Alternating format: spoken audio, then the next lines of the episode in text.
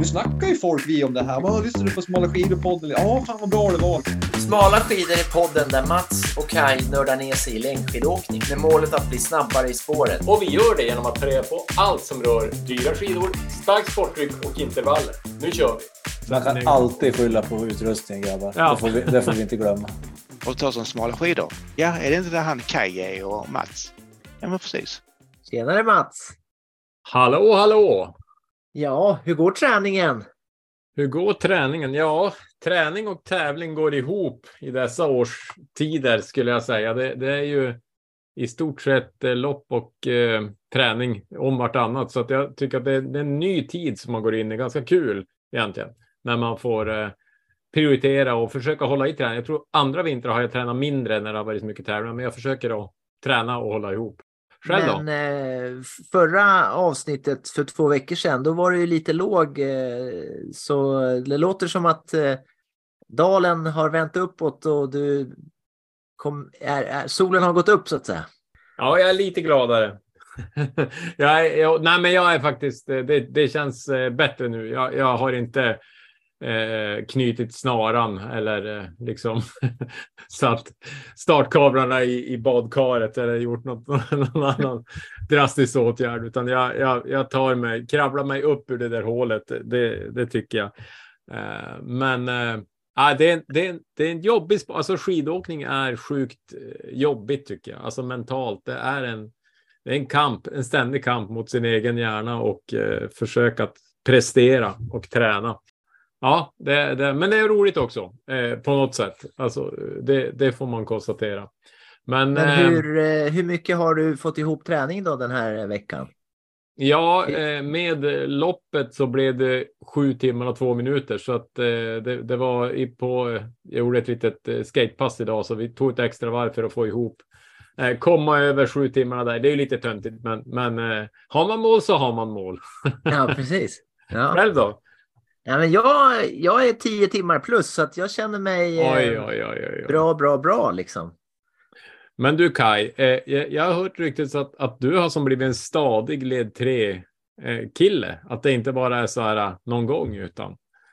Eh, ja, det var ju ett lopp i Malå. Eh, Ja, ja, eh, Malmfältsloppet och där vart det ju led 3 även om det var eh, trögt före. Så att ja, men jag är stabil. 2-2. Nej, men det jag tänkte säga gällande Malå, eh, det är ju att eh, det var ju svinkallt har jag förstått och jag är glad att jag inte åkte därför att eh, det verkar ha slitit på många. Men en del åkte ju långa åktider, men att du ändå presterade i detta väder var ju starkt och, och du hade ju ditt led 3 så det var ju ändå. Du hade ju inte alltså så mycket att åka för kan man ju tycka. Men hur, hur tänkte du kring det loppet? Hur blev motivationen? Ja, det, det var ju att öva på det här med Vasaloppet, eh, liksom upplägget att inte gå för hårt. Och det börjar ju lite grann som Vasaloppet, att det är ju en typ en slalombacke man ska över eh, och sen är det två varv. Mm. Ehm, Så att eh, det- var en träning och det gick jättebra tycker jag. Och Lars Ljungs tips att jaga det där F på skidan, det var vad jag gjorde på myrarna när jag liksom så jag övade väldigt mycket teknik eh, i och med att det är platt, platt, platt, platt, platt sådär. Jag förstod, jag pratade med någon kille som hade åkt det där och just myrorna var det mest mentalt slitsamma enligt honom. För det var, det tog aldrig slut tyckte han när man hade, när det gick trögt och så. Var det bara Ja. platt och länge. Upplevde Ja. du samma eller? Nej, jag var helt upptagen med att dricka så ofta så att inte eh, slangen skulle frysa.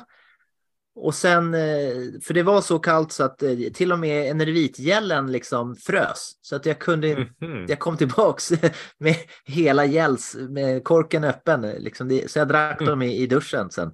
Eh, vad gott. Ja, men de väntade på att fötterna skulle tina så, så behövde man ju något. Nej, men så, Ja. Det var teknikträning. Jag, jag jagade det där liksom F på skidan på flacken och jag gjorde ett litet projekt faktiskt. Jag jämförde med dem jag åkte med. Så det var under Mm. en period jag åkte med en eh, bakom en man och han stakade dubbelt så ofta som jag gjorde. Eh, och sen eh, tror jag att han eh, körde för hårt eller, eller eh, om det inte det, gick åt för mycket energi. Så jag Jag åkte ifrån honom sen, jag vet inte hur hur mycket, men, men det här med teknik, jag, jag blev riktigt het av eh, Lars Ljung-avsnittet. Så att eh, där är jag, så jag är väldigt nöjd.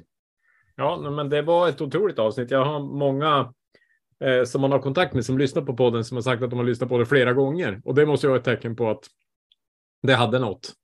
Ja. Eh, så det, och, och vi kan väl säga så här att det, vi har ju, det avsnittet har en viss eh, lager 157-koppling med tanke på att Lars Ljung ändå har satt sin prägel både på Vasapodden och på teamet och eh, förmodligen också grundlagt eh, Emil Perssons kompetens i spåret. Så att dagens avsnitt spinner väl lite vidare på den tråden kan man ju väl säga.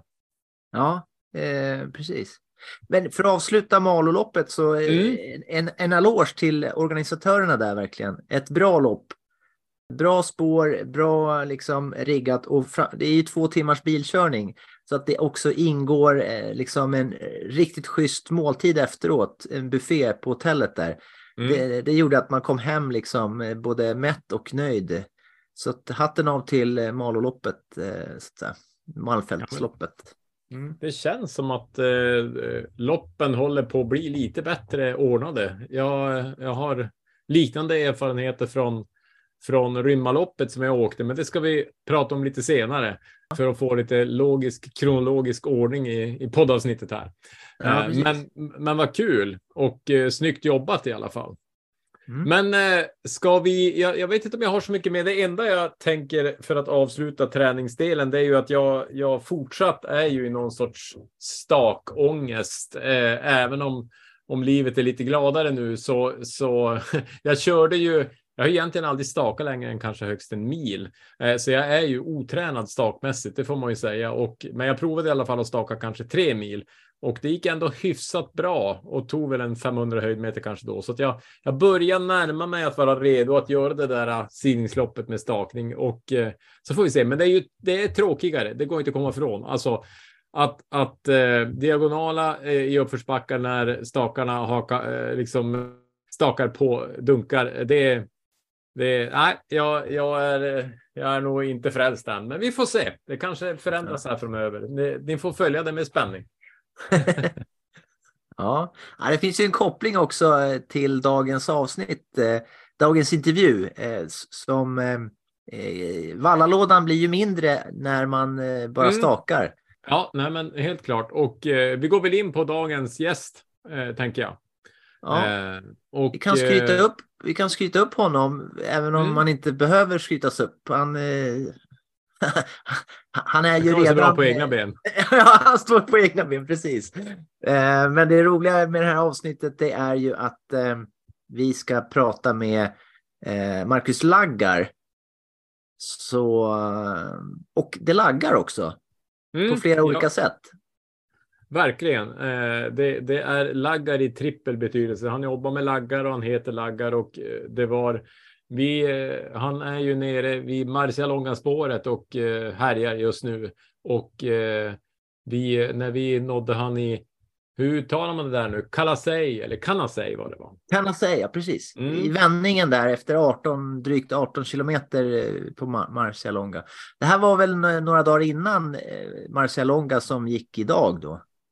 Precis. Vi spelar in det här söndag, men eh, det var lite laggig koppling, så jag har, jag har försökt att klippa i eh, intervjun här så att ni ska förstå vad som sägs. Så jag tror att eh, det funkar hyfsat i alla fall. Men lite lagg när laggar är på tråden, det får man räkna med. Helt Ja. enkelt.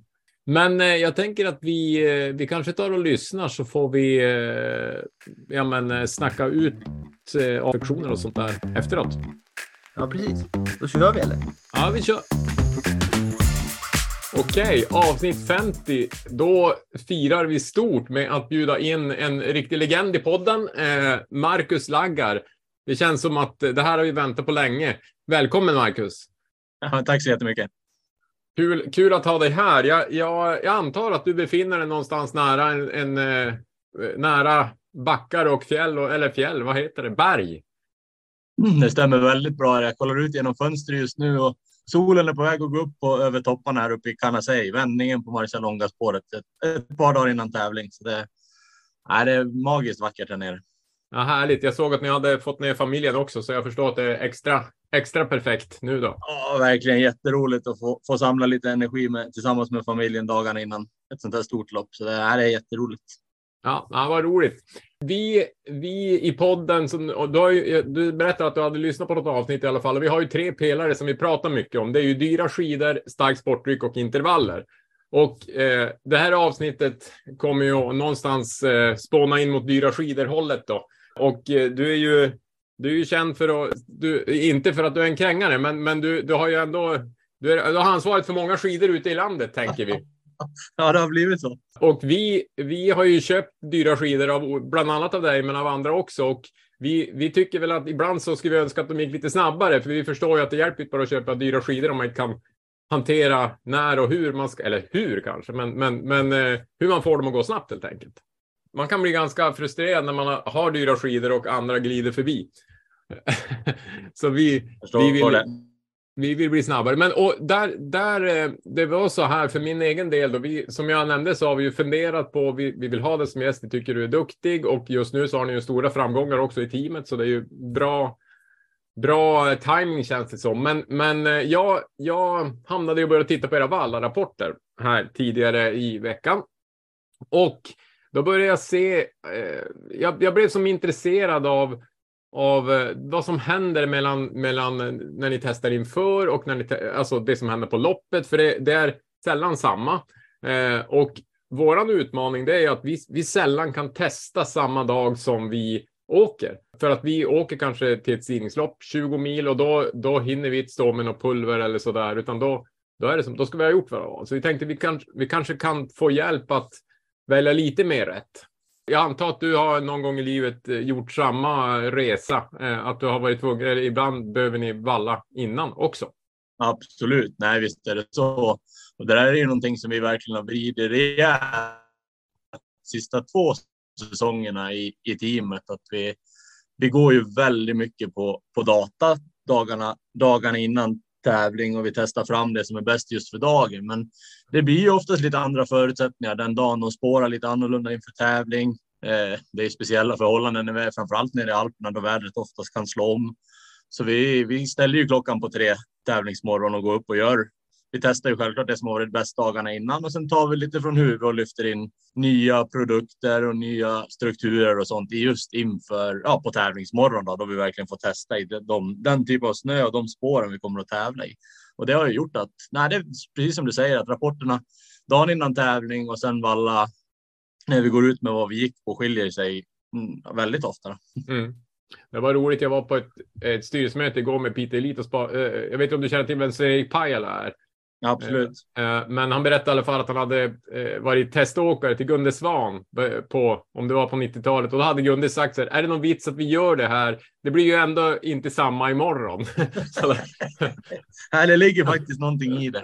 Men däremot så kan man ju från alla dessa tester och de grejerna vi gör så kan man ju bygga en data, en databas och plocka fram en valla box där man vet att okej, okay, det ska bli ungefär sånt här för, för att mm. ha bra skidor så kan vi gå på de här produkterna i, i varmt, universalt eller kallt. Så tycker jag man kan fördela upp det. Och så för oss eh, som åker eh, på en lägre nivå så är ju marginalerna större så att vi, vi kan ju förmodligen ha en riktigt bra dag på det som man tänker dagen innan också.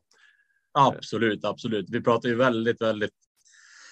När vi mäter och testar grejer så pratar vi väldigt små skillnader, men för att få de här bästa skidorna i ett Ski Classics fält där nivån sista åren på vallning och material har höjts enormt mycket Eh, så är de här små, små decimetrarna ganska viktiga att hitta på, på produkter. Men som du säger, i, i stora massan och fältet en bit bak så går du på stabila grejer och det vi testar fram dagarna innan och om man vet efter prognosbaserad data så kommer man ha bra grejer. Det, det är jag rätt säker på. Om inte vädret slår om enormt. Bra, Nej, men då tänkte jag att vi skulle ta oss an eh, några olika situationer och fråga lite kring det. Och då ska vi börja med eh, Prato Piazza och Putzertalen.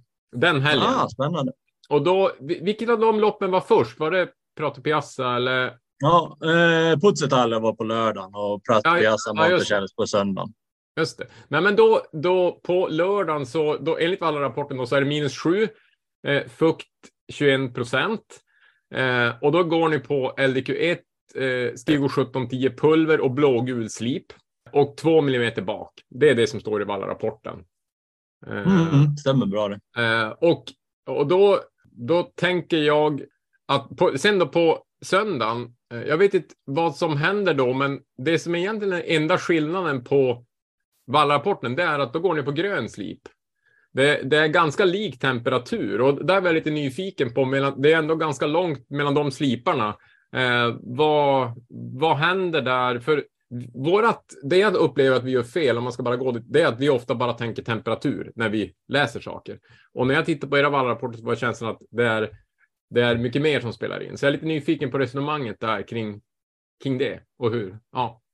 Spännande och jättebra och intressant fråga. Och det här var ju någonting som vi också var kanske inte konfunderade över, men funderade ju på det. Och de här två loppen så hade vi ju som mål och när vi pratade taktik tillsammans med våra åkare så här så att oftast som om vi tar benar ut eh, Putzertaler först då, så är det ju ett lopp där det är det är ganska mycket snabb utför och det brukar gå ihop så att det avgörs på slutet av loppet eh, i klungor. Och i det här läget så hade de lagt ut ganska mycket konstsnö dagarna innan.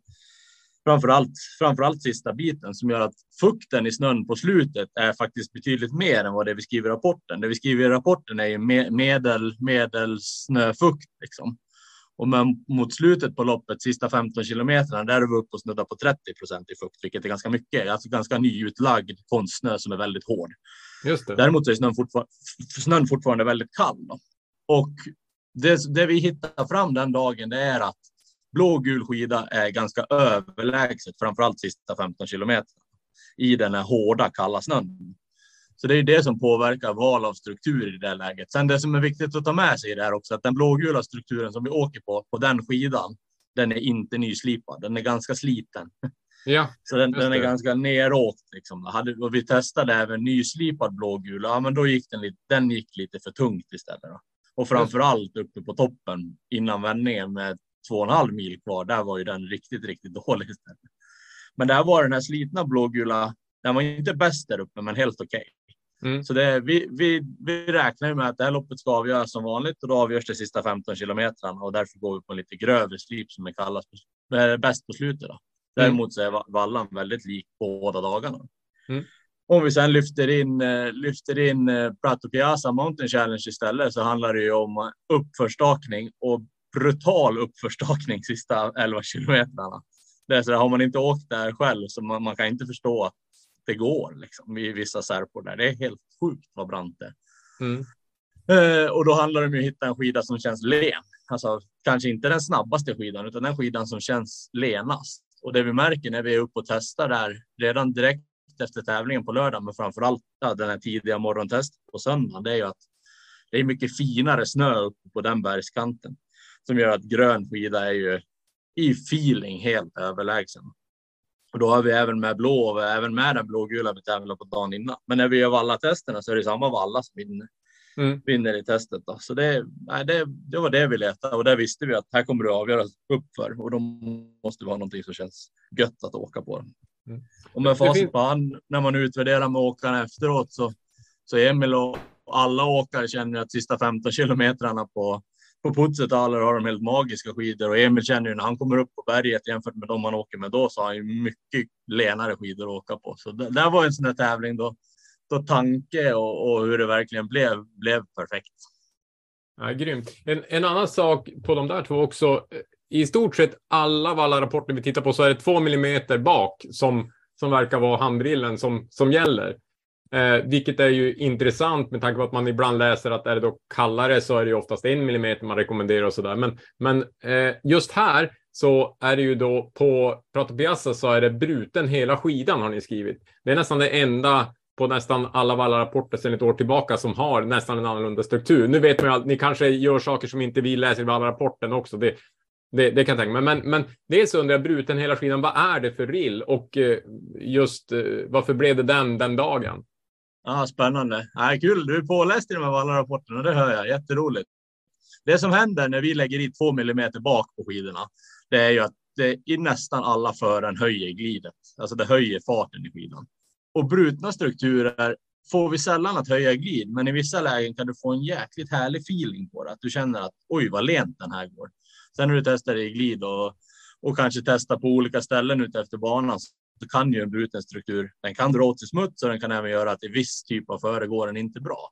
Men i det här läget så var det ju väldigt, väldigt lika före under hela banan den dagen och den, den brutna strukturen som vi la, den höjde verkligen feelingen på skidorna. Mm. Eh, och det vi går den dagen, det är en Red Creek grill som heter minus 5, minus 15 som ser ut som en julgran.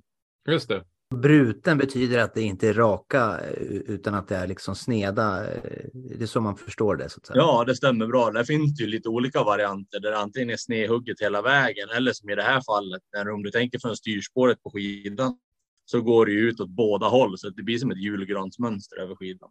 Ja, precis. Lite som med bildäcken som skjuter ut eh, eh, vattnet åt sidorna. Så att säga. Stämmer bra, stämmer bra.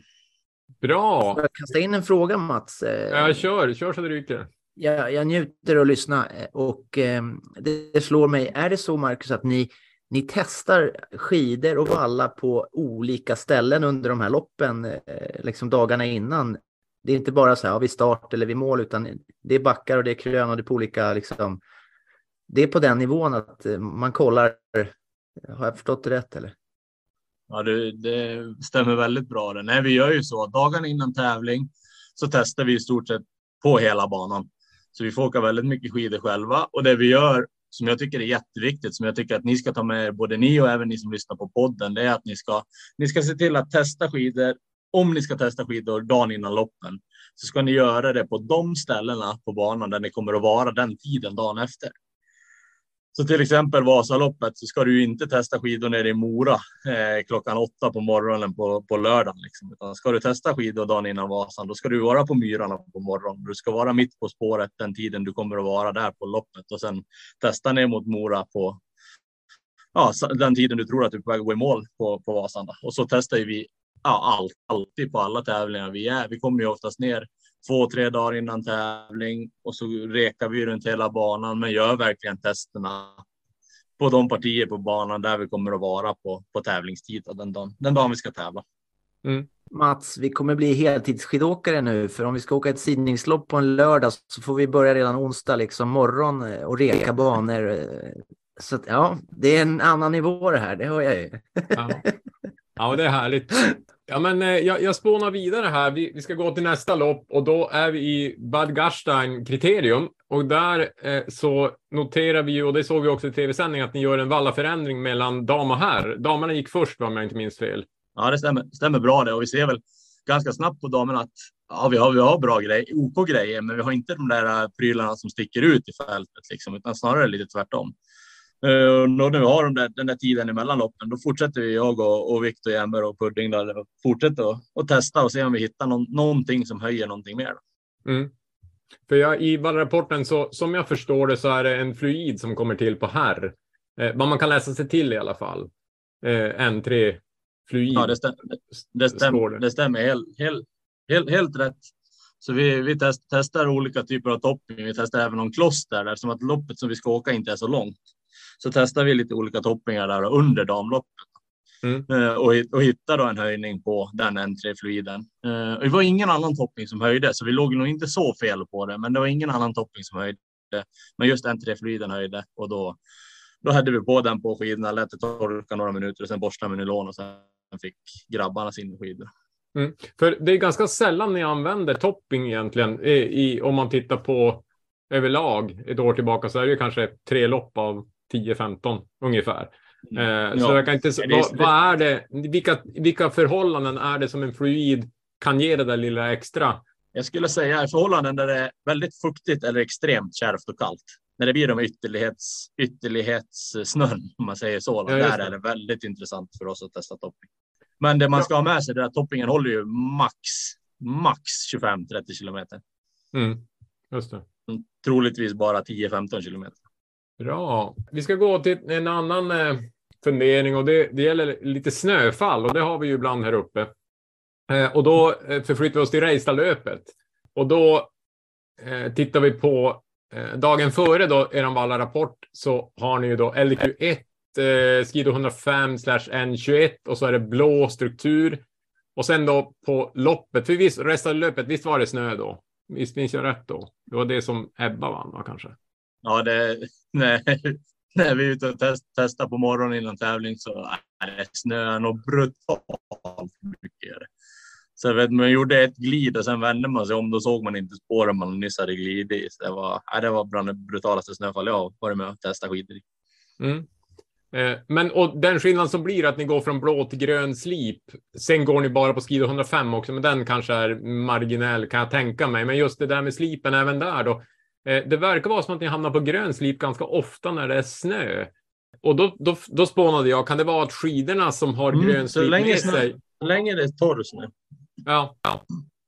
Men det kanske, då kanske det har bara slumpat sig så att det har varit mycket torr snö vid, vid, eh, vid eh, när det har varit snö. Eller?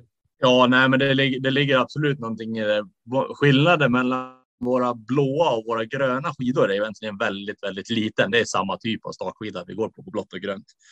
Just det. med lika mycket skida som ligger i snön. Så där är det egentligen bara mönstret, mönstret i slipen som skiljer och mönstret mellan blått och grönt är inte heller så stor men att den gröna är finare eh, och Ja, grundare. Så det är ju oftast vid snöfall så länge snön, så länge det inte är blöt snö som faller så Mm. blir det oftast att vi går, går på, på gröna skidor och då samma där som, som eh, lite vi pratade om nyss. Det är ju att Reistadlöpet är också ett brutalt lopp med extremt mycket stakning uppför. Det är ett lopp som fortfarande inte har vunnit stakning det är Ski Classics utan det är fortfarande Festvalla som har gällt i de loppen. Men nu vann ju vi också på festen när vi lyfte in Ebba Andersson där. Men för våra andra åkare så är det stakning som gäller. Det är det vi tränar och det är det de åker och då gäller det att hitta skidor där också som går lent. då. Så det Mm. var vi ute och testade där på morgonen och då var det verkligen att den grö, gröna skidan eller gröna slipen stack ut i lenhet i stakning uppför. Mm. Det är i stort sett därför vi valde den. Men, men glidzonerna på, på era skidor är, som jag tolkar det nu, det är inte så stor skillnad, utan det är mer slipen som ni jobbar med mellan, ja. Nej, det stämmer bra. Och stak, stakskidorna som vi åker på görs ju på en och samma, i en och samma form på ett och samma sätt. Så det är ju, det är ju inga extrema skillnader där. Och mellan blått och grönt så är det i stort sett ingen skillnad på skida. Det är bara slip. Just. Däremot på blågult så letar vi skidor som är lite högre och framför allt att det ligger mindre, mindre skida i snön på den som, som inte drar åt sig, eh, som stöter bort eh, fukten bättre. Då. Så att det, det är framför allt det som skiljer. Då ska vi till, jag, jag fortsätter med mina spåningar kring olika lopp här. Ah, kul. Och då, då är vi på, på Birken då. Och där, egentligen, den, den är samma sak, men jag tror inte det var snö då. Men, då, men och Birken är ju också upp för sig. Antar, där har jag också noterat att blå blir grön igen när det gäller slip och struktur då på loppet. Sen är det också... att Tyvärr han, ska jag säga. vad säger du? Tyvärr ska jag säga med facit i efterhand. Ja, berätta. Nej, men vi, där testar vi ju också dagarna innan tävling och vi har blå, blå, blå slip som bäst på de flesta ställen. Eh, men när vi går ut på morgonen så har det blivit lite kallare och det har blivit lite kärvare. Och när vi åker upp på första, första fjället där då, så känner vi att oj, grön skida sticker ut rejält. Och det vi har varit med om på Birken sista åren, det är att det är så pass tufft lopp där, så där brukar det bli det blir utbrytningar på fjällen liksom, som håller hela vägen in. Det har oftast blivit så. I det här, det här, den här gången så blir det ju så att det blir ganska mycket motvind. Eh, vi har extremt fina skidor i 96 procent av loppet.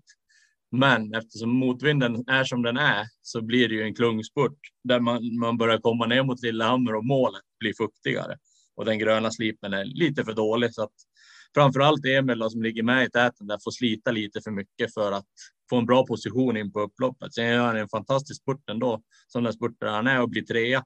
Men han fick slita lite för mycket sista, sista kilometrarna från sju sjön och ner på grund av att slipen var egentligen lite för fin. Då. Men med facit på efterhand så skulle vi ha gått blått. Då hade vi ju, Mm. nej, jag ska inte säga, men troligtvis vunnit det loppet. Ja, det är intressant. Ja, Eh. men hade det varit, hade det varit en val, vanlig Birken med utbrytningar, då hade ju, då hade ju grönslipen gjort sitt i utbrytningsklungorna istället. Då. Men ja, det blev lite, lite tokigt den gången. Eh, en, en annan fundering som jag, jag har också, det, känslan när man tittar på det, det, det är ju att slipen har alltså, nästan större betydelse än vallan. Upplever ni det också så, alltså att det är det viktigaste valet? Det är ju en kombination av det där såklart, där du måste träffa rätt på allt. Mm. Men nej, det är som jag brukar säga, val av skida och grundstruktur på skida, det, det är A och O om du ska lyckas överhuvudtaget. För när man, om man tittar, om man pratar lite paraffin eller pulver så eh, ni kör ju mest med Skigo-produkter. Eh, och jag, jag, upplever att det finns en uppsjö av produkter och de flesta av Skios produkter så då står det så här, den är bra från minus 5 till minus 15 och så nästa så här, från minus 1 till minus 12 är den jättebra. Det är som att alla är jättebra för allt. Det är ganska svårt som amatör att läsa ut om man inte liksom supertestar mellan de här olika, eh, alla pulver som till exempel då Skigo erbjuder. Hur, eh, är, eh, liksom, har du någon reflektion där eller någon, någon eh, passning till oss eller någonting kring den känslan som vi har. Det kan ju skilja en hel del på, på snöunderloppen, så där tycker jag att det är viktigt att man går på produkter som är väldigt breda och där har, brukar jag och det är ja, natursnöförhållanden om man säger så. Det är snö som har fallit, inte så mycket konstsnö. Då rekommenderar jag alltid den som heter 105 för den är mm. så väldigt bred och den kommer man alltid ha bra skidor på, på Skigos 105 pulver. Är det lite blandad snö, lite konstsnö, lite natursnö och lite varmare, lite åt det fuktigare hållet så är det ju världens bästa pulver som heter N21 som är väldigt brett och bra för långlopp. Och är det blött, mycket konstsnö eh, och fuktigare så är det C22. Eh, har man de tre i sin vallalåda då kommer man ha bra skidor i alla typer, av, alla typer av snö och alla typer av temperaturer. Ja, det var konkret och bra. Har du någon fundering där kring pulver? Kaj, du, du pulverar ju också en hel del. Ja, men det, det är skönt att höra eh, just liksom eh, bryta ner det, förenkla. Har inte hur mycket pengar och heller inte hur stor vallalåda som helst. Så att, eh, att, att ha liksom, eh, det, det är något jag funderar på också på paraffin. Är det, jag, jag tänker att, att ha ett hårt, hårt eh, liksom paraffin, eh, grönt eller blått när man åker långlopp eller vad säger du Laggar? Vad, vad, behöver man ha om jag bara har en eller två bra valler paraffiner? Om jag tänker likadant som, eh, som du sa med, med, med, med pulvret, att jag har bara några stycken. Vad, vad ska ja, jag välja det, då? Liksom? Det är ju helt rätt där också. Där har ju vi byggt ihop några blandningar tillsammans med Christer Majbäck och Skigo sista åren där det är framförallt hårda paraffiner som du säger. Man ska ha hårt paraffin i botten så är det bara på långlopp för att få det, för att få slitaget i det man använder 1-0 under gröna och eh, blåa skidor. Det blir alltså 105 och 121 pulver. Och sen har du 2-0 då ifall det är åt det blötare hållet så att du hamnar på blågul medelvarv. Hamnar på C22 om det blir riktigt varmt. Då. Vi, vi, eh, vi ska ta, jag har en, en sista eh, Valla-rapportsfundering här innan vi ska gå vidare på lite frågor. Och då gäller det faktiskt det vi alla längtar och satsar på och det är ju Vasaloppet. Eh, som ju, ja, många som jag känner som åkte misslyckades med vallningen i år, eh, upplevde jag. Och eh, även vi, vi vallade, jag kör ju på fäste och Kaj stakar och jag, vi vallade klister. Och eh, det var inget fäste någonstans tror jag. Jag noterar, vi, vi upplevde att det var ju kallt i starten. Det var ju kanske ner mot minus 15 till och med. Men jag ser att ni gick på blågul slip och struktur. Och jag var lite nyfiken bara hur, hur ni testade och hur, hur var det för att vara snabba i slutet då? Eh, som är, är med tanke på det du har sagt tidigare idag så, så gissar jag det. Men berätta gärna. Nej, du har helt, helt rätt. Vasaloppet i år var svårt. Det var betydligt svårare än vad ett Vasalopp brukar vara. I att vissa grejer var riktigt tunga och dåliga och det har man ju hört efteråt också, framför allt från, från Vasalopps motionärer en bit bak i leden, att det skilde enormt mycket på, på material. Eh, men det vi, det vi får fram om vi ska dra våra grejer där, det är ju att vi går på en blågul skida för att ha som bäst från, från eh, ja, sista, sista tre milen och där sticker den verkligen ut. Och vi går även här som vi har pratat om förut. Vi går på en blågul slip som inte är nyslipad utan den är ganska. Den är ganska nerjobbad och ganska mycket åkt på den som gör att den klarar klarar sig OK även uppe på myrarna. Så det med, med facit på hand så vi hade bra grejer under fötterna och, och vi går på blågul skida för att ta som bäst på, bäst på slutet. Så det är helt rätt Mats hur du tänkte det. Mm. Vi har lite andra frågor också. En fråga som jag tänkte på när det gäller grafit. Jag, jag ser att jag tror det är bara en av alla rapporterna som har grafit och jag vet att det är för hållbarhet så här. Så jag funderar dels på hur ni tänker kring grafit, men också eh, lågflår eller inte flår. Spelar det någon roll på grafiten? Nej, det gör det faktiskt inte. Det, det, vi alltid gör, som kanske inte står med i rapporterna, det är att vi har alltid skidorna grundade med grafit. Ja. Så är det så, är det så att, att skidorna har blivit lite... Vi har alltid grafit i prepp efter, efter en skidslip om man säger så. Då, så att det, det, finns bra med grafit i belaget. Och har vi åkt ett lopp på skidorna och skidorna börjar bli lite åkta på, då lägger jag ju alltid på de skidorna vi tror på jobbar jag alltid med grafit dagen innan tävling då, så att de är, de är preppade för att klara slitaget då, innan man väljer vilket paraffin och vilket pulver man ska gå. Eh, så det, där, där kanske vi ska lägga till att i, i alla, alla rapporter så är det ligger grafit i skidan. Så här. det. Ja, nej, men det är bra. Bra, då, då, då fick vi klarhet i den. Jag har, eh, vi, vi vill ju lära oss att eh, läsa eh, så snö. Kan, kan man liksom, kan man säga något om grundaren i att läsa snön? För ni mäter ju fukten i snön, säger jag. Eh, och det, dels är det något som vi som amatörer kan och bör göra. Eh, men också så här, kan du säga något grovt om, vi har ju pratat lite grann om det, men kan du prata lite mer om snö? ja, vad kul. Och det är ju någonting som man, har, man har blivit nörd i det där med snö sedan man hållit på med det här i många år nu. Då. Vi använder ju en doser och en doser det är alltså en, en maskin som mäter fukten i snön. Eh, och det är någonting som är väldigt viktigt för oss när vi är ute och åker efter banan. För då har jag alltid dosen i fickan och så åker vi och mäter på olika ställen för att se hur torrt är det på topparna och hur fuktigt är det ner mot mål och hur är det vid starten och så där. Men det, det som jag tycker är viktigt, man, man behöver inte ha en doser i, i, fickan. Det är en ganska, ganska dyr apparat. Eh, men man, man kan ju ha de här tumreglerna framför allt. Vad är det för typ av snö? Är det utlagd? Eh, är det konstsnö alltså? Sprutad konstsnö eller sparad konstsnö? Eller är det natursnö? Det där är ju egentligen den viktigaste parametern. Mm. Eh, och i regel där så är ju natursnö torrare och eh, konstsnö är ju fuktigare. Och sen kan man väl egentligen bara rent krasst tänka att kan man göra, kan man göra en snöboll, ja men då är det ganska mycket fukt i snön. Och kan du inte göra en snöboll, då är det ganska torr snö. Och där kan man ju även kopiera in det där och sen i vilken typ av skida, vilken typ av slip och vilken typ av produkt ska jag lägga på, lägga på, på mina skidor för att lyckas. Då. Så att det är ju egentligen ingen, ingen rocket science, men men eh, bara lite, bara när man är lite klartänkt om man är ute och testar dagarna innan så är, är snön konstsnö, natursnö, är den fuktig eller är den torr? Det tycker jag man ska försöka tänka till. Sen finns det, jag vet inte om det är myt eller om det är sanning, så jag tänkte kolla det. Eh, det går ju skrönor eller historier man hör som att den här, ett par skidpar, de, att de är superbra och då är de typ, då vinner de lopp i alla väder. Eh, finns det någon sanning i det att, att det finns liksom unika par skidor som man hittar eller som man stöter på som, som går bra jämt eller är det liksom en, är det en, en sån här skön skröna att sprida så att säga?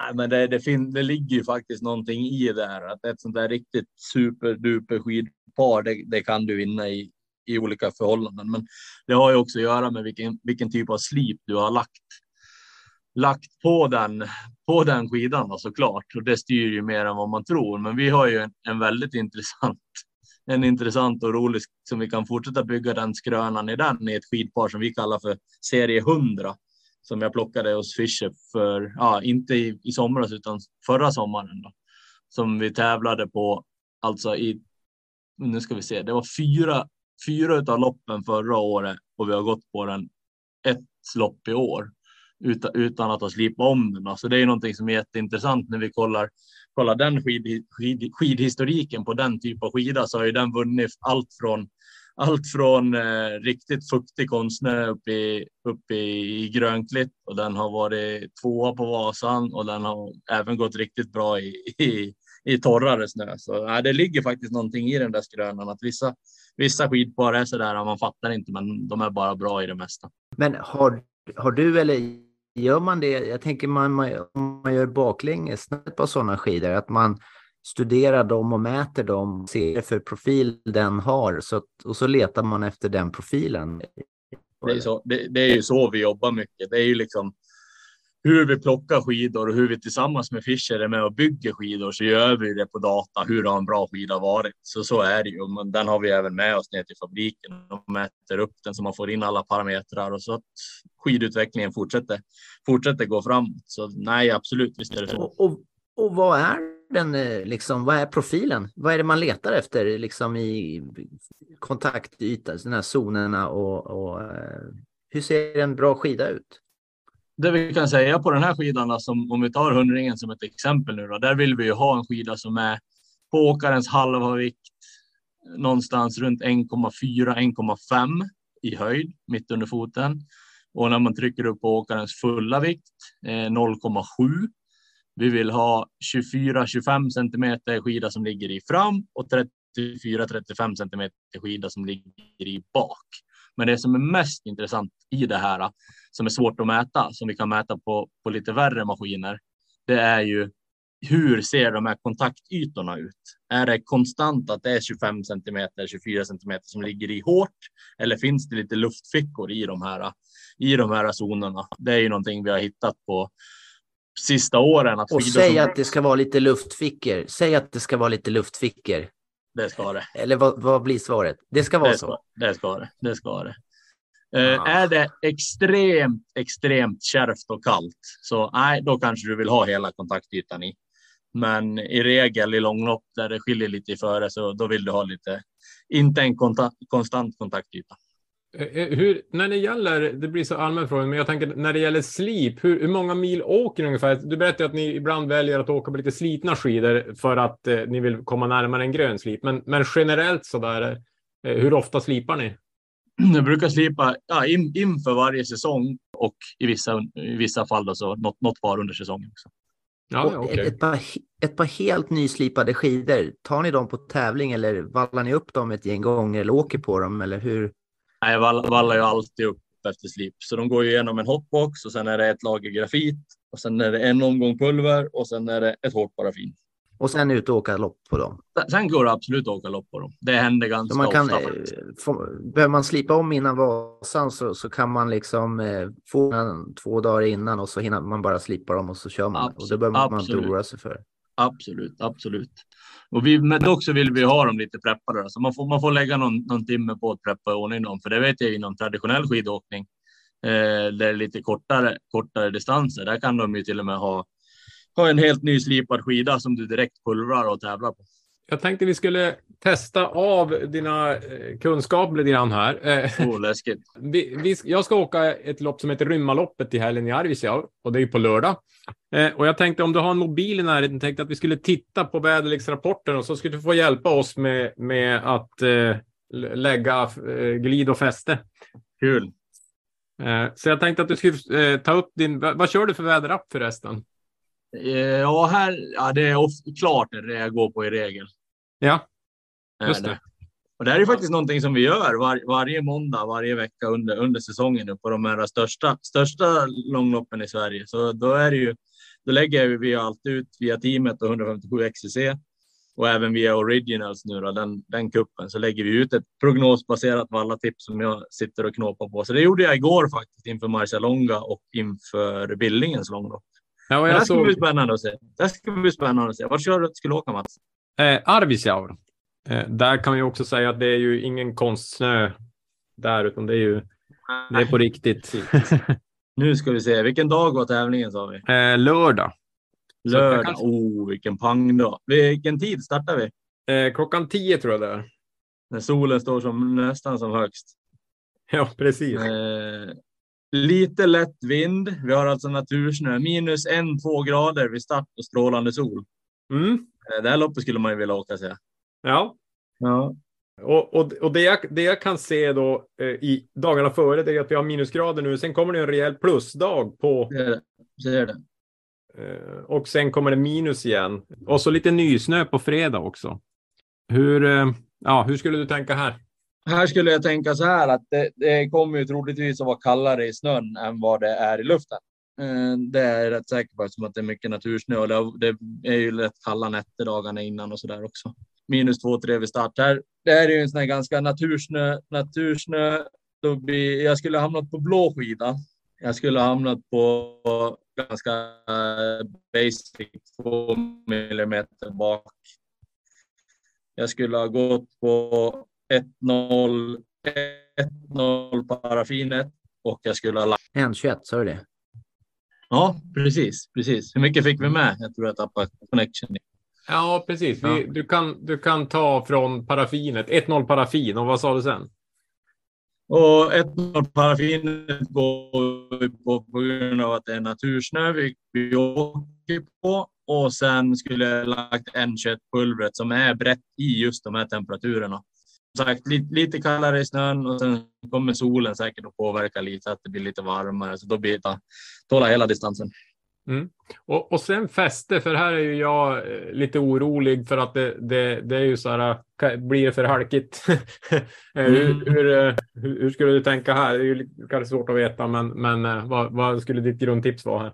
Skulle jag lägga tunt, tunt, tunt med en eh, klister, klisterburkblandning. Där har ju Skigo ett, eh, en, en burk som heter Base Extra Strong som det är lite, lite klister i. Eh, jag skulle ha lagt, skulle ha värmt in den jätte, jättetunt i botten. Sen skulle jag ha lagt ett, ett hå, en hård burk uppe på det, typ en grön. Eh, för att få verkligen det att binda fast. Då. Och sen skulle jag ju lagt en burk som är någonstans där någon, någon minus, kanske till och med över på någon plus. Typ en röd, röd burk eh, skulle jag nog ha lagt. Och sen skulle jag, ifall det är kallare än de här temperaturerna på, på morgonen när starten går, då kan man ju täcka det med en blå burk.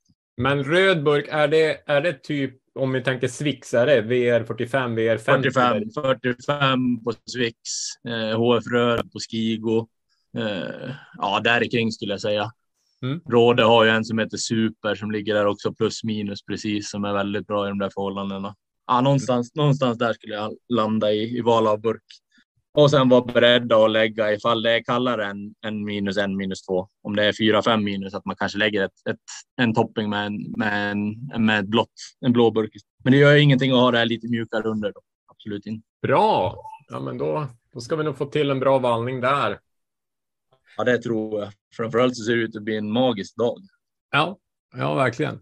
Bra, vi, vi, hade, vi har ju hunnit prata om det lite grann, det här med alltså att, att bygga upp sin, sin vallalåda. Eh, så eh, jag tänker där, där är det ju, alltså med tanke på Skigo så, så är det egentligen tre produkter, alltså paraffin, tre produkter, pulver som, som kan räcka ganska långt, som jag tolkar det. Ja, det skulle jag säga. Har du, har du grafit 1.0, 2.0, 105, N21 och C22 i din låda så har du, då har du täckt in hela spannet på både temperatur och typ av snö. Mm. Sen är det klart att det finns några toppingar, det finns några andra pulver som är liksom så här, lite mer nischade mot någon viss typ av före. Men ja, då, blir det, då ska man mer kunna dem och man ska veta hur man ska lägga dem. Och då blir det mer, det är inte den som har mest vallor som kommer att ha bäst skidor, utan den, den som kan sina vallor bäst. Och då, ju, ju färre man har så desto bättre tror jag man lyckas. En rak eh, och en rak tvåa rill eh, i lådan. Ja, det ska man Och sen är det, sen är det bara att köra. Sen är det bara att köra, ja. helt rätt. Jag, jag Då har tänkte- vi ju en liten låda, det är ju bra. Ja, exakt. Jag, jag, tänk, jag funderar mycket, vi har diskuterat mycket med det här med spann också. Vi, vi, eh, vi har ju vår kompis Johan här uppe i Piteå som säljer skiselektor, så vi har ju, vi har ju ett avsnitt när vi intervjuar han och, och jag, jag upplever att det är, det är eh, lite så här, eh, ibland när man köper en skida som är ett plock så kan man få Ja, och så tar jag den till Johan och så säger han att ja, men den här är nog inte en kall skida, den är en, en varmskida. Eh, och alltså att, att det är det är lite, man kan nästan uppleva som konsument att det är lite förvirrat där ute vad man får för skida och, och vad Ski Selector. Äh, eh, äh, eh, finns det motsägelser äh, när det gäller alltså att, att man kanske Ski Selector inte är hela sanningen eller, eller hur liksom hur förhåller för ni använder inte Ski Selector utan ni använder din kompetens mer eller hur? Ja, vi har hur Ja. Vi har en Eiker- Eiker-mätare som vi mäter skidorna på och det är ju ganska basic. Liksom. Du får på, det funkar ungefär på samma sätt alla typer av spannmätare. Du lägger på din halva vikt och då ser man hur, hur, vad händer med skidan. Liksom. Hur, hur hög är den under foten och hur mycket skida ligger i fram. Mm. Skiselektorn är ju väldigt bra i det att då får du verkligen ut det här. Hur ser zonerna ut? Även glidzonerna. Finns det fickor i dem? Och det finns ju olika mätare på det här. Det finns ju en Centax-mätare som är väldigt, väldigt dyr men också väldigt bra. Eh, Så det finns ju olika typer av det där och det är nog mer att det är nog mer att där får du ju ren fakta i att hur, hur ser skidan ut? Sen ska du ju som, som i butik då veta vad, vad, vad som är vad. Liksom då. Mm. Eh, så nej, nog kan det upplevas lite förvirrande, men jag tycker även att branschen sista åren har tagit. Ja, nu har jag jobbat inom längdbranschen sedan 2006, 2007 och vad som har hänt sista åren nu är ju att det är, det är väldigt hög kunskap ute i de flesta butiker faktiskt. Så det, det, det, det tycker jag sportbranschen ska ha, för det, det, där har det hänt mycket. Så, men lite förvirrat är det kanske på några ställen. Finns det, om man säger, om man skulle vilja hitta det här med glidzoner, du, du nämner ju det här med 25 centimeter bak och, och ja, vad du sa, något, något liknande 20 fram eller något på en universal bra skida. Fi- Finns det här 35 någonstans? bak. 25 fram och 35 bak. Det Ja, är ju det. liksom 60 centimeter glidyta totalt fördelat 25 fram 35 bak. Det är ju det vi efter alla år har hittat framåt. Så, så vill vi ha en stakskida. Mm. Men om, om vi säger en, en eh, motsvarande på en, när man har fäste, hur, ser- hur ser det ut där då? Ganska samma tänk ändå. Du får oftast lite mindre fram, men att du kan få få en 22 fram för att ha en, ha en perfekt skida för, för festvalla. Och det, det som händer är att du hamnar lite, lite högre framför allt för att och, och mjukare i slutet. Så det blir en liten annan karaktär. Jag tänkte bara fråga Marcus en, en sista fråga här inför eh, fortsättningen och eh, Marcialonga som väntar i helgen och så här. Hur är känslan i, i teamet och, och hur, hur ser preppen ut av skidor och, och berätta lite avslutningsvis av vad som står framför dig. Jo, nej, men känslan i teamet är, ja, det är så himla bra. Vi har ett sånt gött gäng i år som, som går in med sån insats i seriositet i, inför alla lopp. Hur de, hur de lever, hur de tränar, hur de äter, hur de bor. Dels för att hålla sig friska och krya, men även för att kunna prestera på topp. Då. Och de verkar ha väldigt roligt tillsammans. Det som har hänt sista åren sedan sen covid och den biten, det är att vi träffar ju inte åkarna speciellt mycket mer än när vi är ute och testar skidor. Eh, de har sin bubbla och vi ledare har våran bubbla. Mm. Eh, Så då åkarna, bo, åkarna bor, kvar i, bor kvar i Schweiz och Engadindalen. Och vi är ju här och laddar just nu med familjerna, men från och med, från och med torsdag då, då, då är det, då är det valla förklädet och test, testgrejerna på och så börjar vi jobba inför Marcialonga. Så från och med torsdag kväll så då är det fullt, fullt fokus på att hitta, hitta snabba grejer till och med, till och med söndag morgon. Då. Så att, nej, det här är en, eh, en av de roligaste veckorna på, på hela säsongen. faktiskt. En nyfiken fråga, har du fått någon klocka av Emil? Du, jag har faktiskt frågat några gånger. Eh, så får vi se om jag ska försöka tjata lite på en till. Men jag vill ha en. Om jag får köpa den om jag får den, det vet jag inte. Men nej, jag, jag är intresserad av en klocka. Ja, och poddens vägnar så tycker vi att han ska, om han lyssnar på det här Emil vid tillfället, så tycker jag att han ska ge den klocka med tanke på skidorna ni bjuder han på. Så det, det är vår rekommendation. Ja, Ja, vi som Ja, nej, det- är det- det är auktoriteter roligt. på området, eller hur Mats? Ja. ja, men snyggt. Vi, vi, med det som avslutning så får vi tacka för ett bra snack i, i ett litet laggigt snack, men ett väldigt intressant snack. Och eh, vi önskar eh, dig och teamet lycka till i resten av säsongen här. Hoppas det blir gult hela vägen. Ja, tusen tack och detsamma. Lycka till med era grejer också. Ja, tack Ja, så mycket. Tack så mycket. Ha det fint. Detsamma. Alltså snyggt jobbat Mats att du styrde upp det här eh, eh, laggiga avsnittet. Eh, verkligen. Eh, Men jag blir nyfiken på eh, vad dina takeaways är. Vad, vad, lärde du något av det här? Ja, alltså jag som, eh, som, som ni har hört i intervjun så var ju min, min grund eh, nyfikenhet handlade om Valla-rapporter och eh, jag blir ju lite nördig ibland, tenderar att bli det och eh, jag hade ju som Vad, me- fastnat vad menar du Mats? Ja.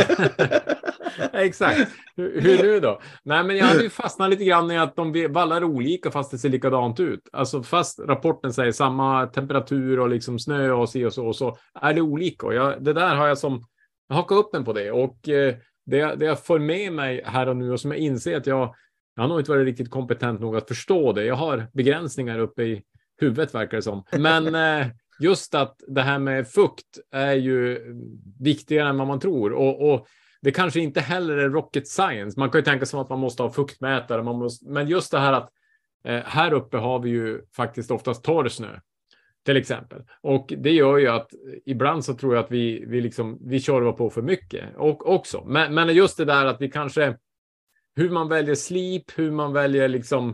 Och jag tyckte också att det blev lite enklare när, när liksom till exempel 2 millimeter rakt bak känns det som mer eller mindre facit oavsett väderlek. Så att man, man kanske inte behöver krångla, men också att göra, göra rätt val känner jag att jag fick med mig väldigt tydligt och, och jag ska nog tänka till lite grann om skidparken också, eh, hur jag ska ställa med, med eh, slipar och eh, spann och så.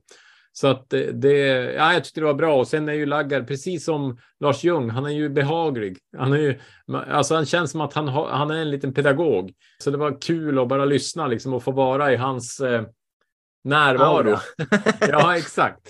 Så, så kul på så sätt och man ser ju han på tv och, och liksom inser att han är, han är ju enormt skicklig. Så att eh, jag tycker att eh, man, man får lite, man blir lite peppad av det också. Eh, Så Ja. att, eh. Hur, du då, är det något som du känner att du liksom har kunnat utvecklas och kanske gör det lite snabbare? Ja, jo, det återstår Du är ju vallachef i Svensbyn. Ja, jag är vallachef hemma. Jag, det gick ju sådär i loppet eh, i Malå tycker jag eh, jämfört med andra. Men, ehm, nej, men det här med att krama snö, göra, kunna göra en snöboll eller Mm. inte kunna göra en snowboll. Det, det tycker Mm. jag det blir en sån enkel eh, metafor. Det hjälper mig att liksom tänka och när det är nysnö som nu till till helgen eh, som kommer så, så hotas det i väderappen med nysnö och då förstår Mm. jag att ja, då ska jag ha eh, liksom inte så djupa slip då.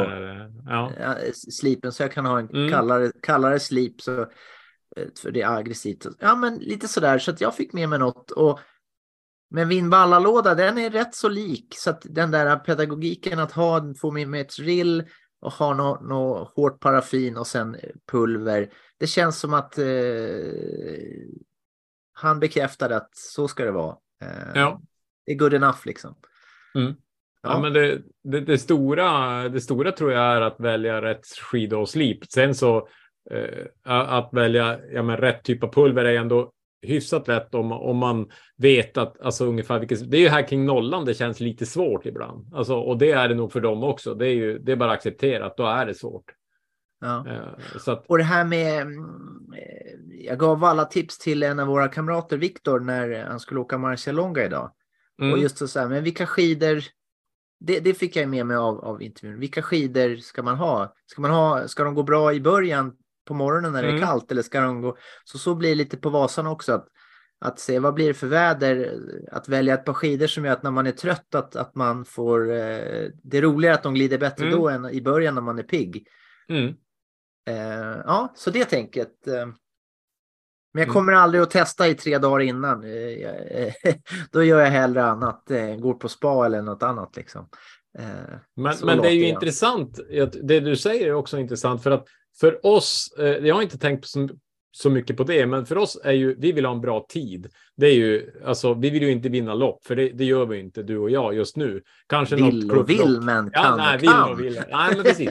Men säg då att Vasaloppet är två tredjedelar torr snö eh, och en tredjedel lite blötare, som Vasaloppet kan vara.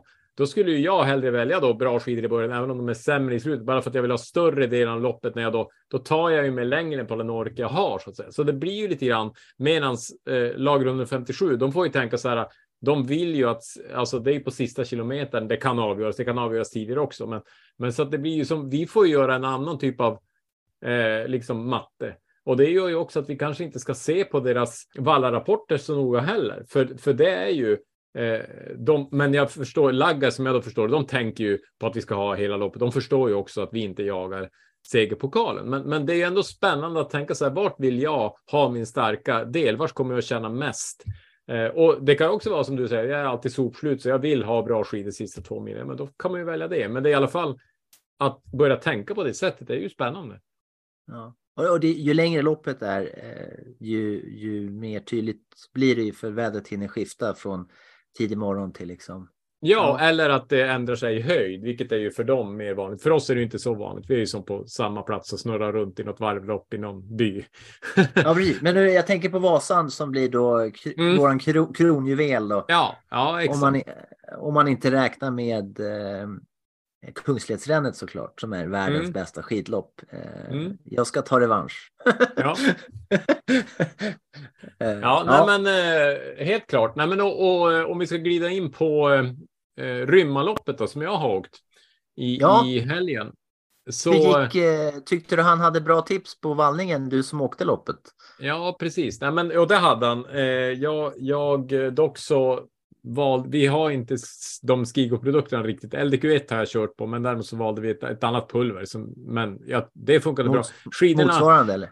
Ja, exakt. Men det som var för mig intressant var att jag har åkt väldigt mycket på eh, ett par Fischer som har ganska kort glidyta och för att jag har velat ha det är ett 902 spann som jag då får fast lättare fästesmässigt. Men nu vågade jag då gå på ett par som jag köpte av Erik Granström som var 812 spann. Då. Och eh, i faktiskt samtal, jag, jag pratade även med Snö och Tö i veckan och han tyckte som att de hade sett flera tävlingar, att de har gått väldigt bra i torrsnö, de här skidorna. Och det roliga var att jag, jag då valde jag dem för första tävlingen jag kört med dem och de har ju längre spann då, det var torr snö uppe i Arvidsjaur, det var minus två grader kanske, en, två grader.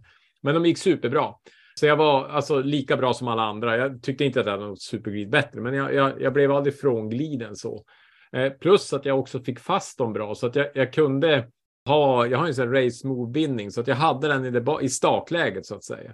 Och det gjorde att efter två varv när jag började tappa fästet lite grann av min egen ork då, då, då vågade jag ändå gå på det läget så att jag, jag fick tassa lite upp för men det gjorde att jag kunde ändå hänga med alla stakåkare runt omkring mig på stakdelen för att jag inte valde så mycket fäste. Men när de då varje gång när vi gick upp för en backe, då, då, kände jag att jag kunde vila lite och så hade jag lite att trycka på då och kunde hänga efter så att jag kunde ta bra ryggar tack vare den här strategin. Jag tror att det var det som gjorde att jag också fick en, en bättre tid och, och ja, mest troligt att jag tar ett startled till startled 4 nu då. Ja, eh, så jag får fortsätta drömma om trean. Eh, vi får se, tre lopp kvar kanske då, så att jag, jag hoppas. Men, men det gör i alla fall att jag, ja men det känns, det känns bättre mentalt för Dina mungipor är liksom eh, uppåt istället för neråt efter eh, Rymmarloppet. Ja, ja, och, och sen en rolig grej ändå på något vis. Det är att jag, jag köpt, vi är med i en skidklubb, både du och jag, som heter Exepito. Och ni som har sett oss, ni har ju sett bilder på mig också. Det är ju som en eh, clowndräkt ungefär med massa färger och och eh, för tre år sedan då, då köpte jag en racetröja, superläcker, så här med ja, en Trimtex, bra tröja. Men jag har aldrig vågat ha den där, för jag tycker jag, jag har sett ut som en stoppad korv. Och så jag har kört eller alltså eh, race-del ned till, men upp till har jag haft den här tunna Trimtex-jackan. Men nu så vågade jag då ha racetröjan och eh, så att jag har, nu har jag ju som, nu är jag i, i race mode så, förhoppningsvis, så förhoppningsvis kanske det gör någon hundradel. Jag, jag vet inte hur stor roll det spelar, men, men eh, det, det kändes ja, i alla fall det bra. Det kan vara den där tån i målfotot för eh, startledet. Det ja. kommer väl på tisdag, va? Eh, Precis. domen. Ja, jag, jag, gjorde ju tiden jag gjorde var 2.26.02. Två sekunder efter, över 26. Så det skulle vara ganska roligt om något startled går över 26. men, men då får man väl eh, eh, ring, eh, göra en skrivelse till Vasaloppsstyrelsen eller någonting och hota med att vi kapar dem i podden. ja.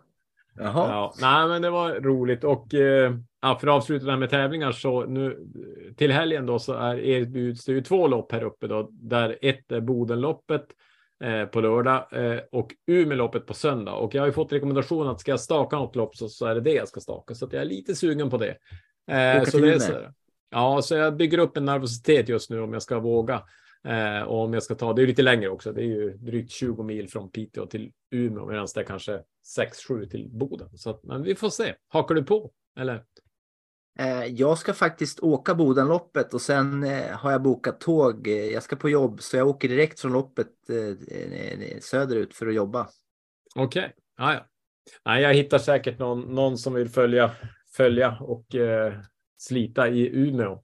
Men eh, ja, det ska bli. Jag hoppas att det blir av. Det ska bli kul tänker jag om, om det blir ett startlopp. Det kommer att bli svinigt jobbigt och ett helt annat lopp. Men... Ja, nej, men jag tror det kommer att gå bra. Ja. jag gå såg. Lätt. Du har ju inget fäste som tar emot någon gång. Så nej. Du kan ju inte, ja, det... och det tycker jag är det fina med att staka, det är att man har som inget val på något vis. Så det är bara bestämma sig och, och köta på. Eh, med vallan och med liksom eh, och, och, tekniken också. Så det är saxa eller staka. Eh, jag, jag såg vår vän Håkon Breistrand har åkt Marcialong och han skrev är man dåligt tränad får man ha, får man ha fäste. Och så skrev han skönt att jag hade fäste. Eller Det är lite otippat att han inte stakade faktiskt, men han måste ju vara väldigt dåligt tränad. Men han var i alla fall jättenöjd att han hade kört fäste idag. Så att, eh, det är ju inte bara, bara jag som har ångest, utan jag tror att det är många av våra lyssnare som, som är här i den här eh, ingenmansland och inte har tagit beslutet att, att eh, dunka. Sen är ju Mård och Blomman, de, de, de använder ju uttrycket dunka mycket nu. Jag vet inte om du har tänkt på det i sändningarna. Så här, Ja, jag att, tror det är stordunkarna som har spridit ja, jag tror också det. Det, det är faktiskt riktigt kul eh, att det har blivit ett, ett eh, begrepp hos, eh, hos eh, SVT också. Med, Ja. med stordunks. Eh, men ja, och när vi ändå är inne på SVT så måste vi väl avsluta med att kommentera Emil Persson, för det är ju fortsatt helt sjukt hur han styr och ställer. Jag, jag tror det är skidhistoria vi, vi bevittnar här i likhet med andra. Alltså, ja, det är helt, helt makalöst. Ja, det, det var väldigt spännande att se loppet idag, Mar- Marcialongo också, men det, det var ju inte så spännande för att tänker man efteråt så han, det såg ut som att, som han sa i intervjun, han gick aldrig hårt liksom. Han, han Men hade det var, men det var, det är spännande varje gång. Jag tycker det är sjukt spännande. Det är som att se värsta thrillern. Alltså, för han, han är ju så kall och man vet ju aldrig. Och så är det som en, alltså det är ju så här, när man ser en film så vet man ju att till slut så blir det bra och de kommer att vifta med amerikanska flaggor och, och alla liksom. och, och det är så man vet det, men det är ändå så svinigt spännande. Eh, ja, det är helt otroligt och så härligt att höra kommentarerna från hans eh, medåkare, eh, just hur ödmjuka de är inför hans form och kapacitet och kompetens. Och, eh, Ja. äh, det, var, det var riktigt häftigt. Ja, men då, eh, då, då hoppas jag att du får känna på den här Emil, eh, vad säger man, Emilvågen i Umeå eh, till helgen. Ja, ja, men jag hoppas också det. Det hade varit coolt. Jag, jag, jag gick just in på vår Instagram nu eh, för att kika och det är så här att vi har nu 984 följare på Instagram. Så nu är vi nära 1000.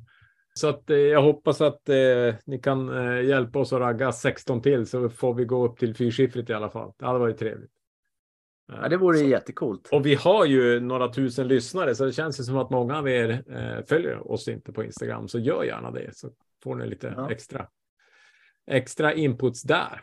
Bra, och eh, annars så eh, det är en månad kvar snart till Vasaloppet.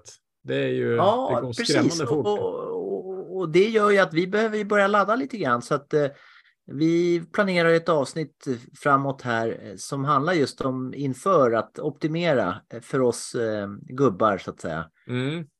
Så att har ni några Ja. tips på saker som ni tycker att det här är bra att optimera inför Vasaloppet så eh, skriv på, på Instagram och då heter vi ju smala skidor.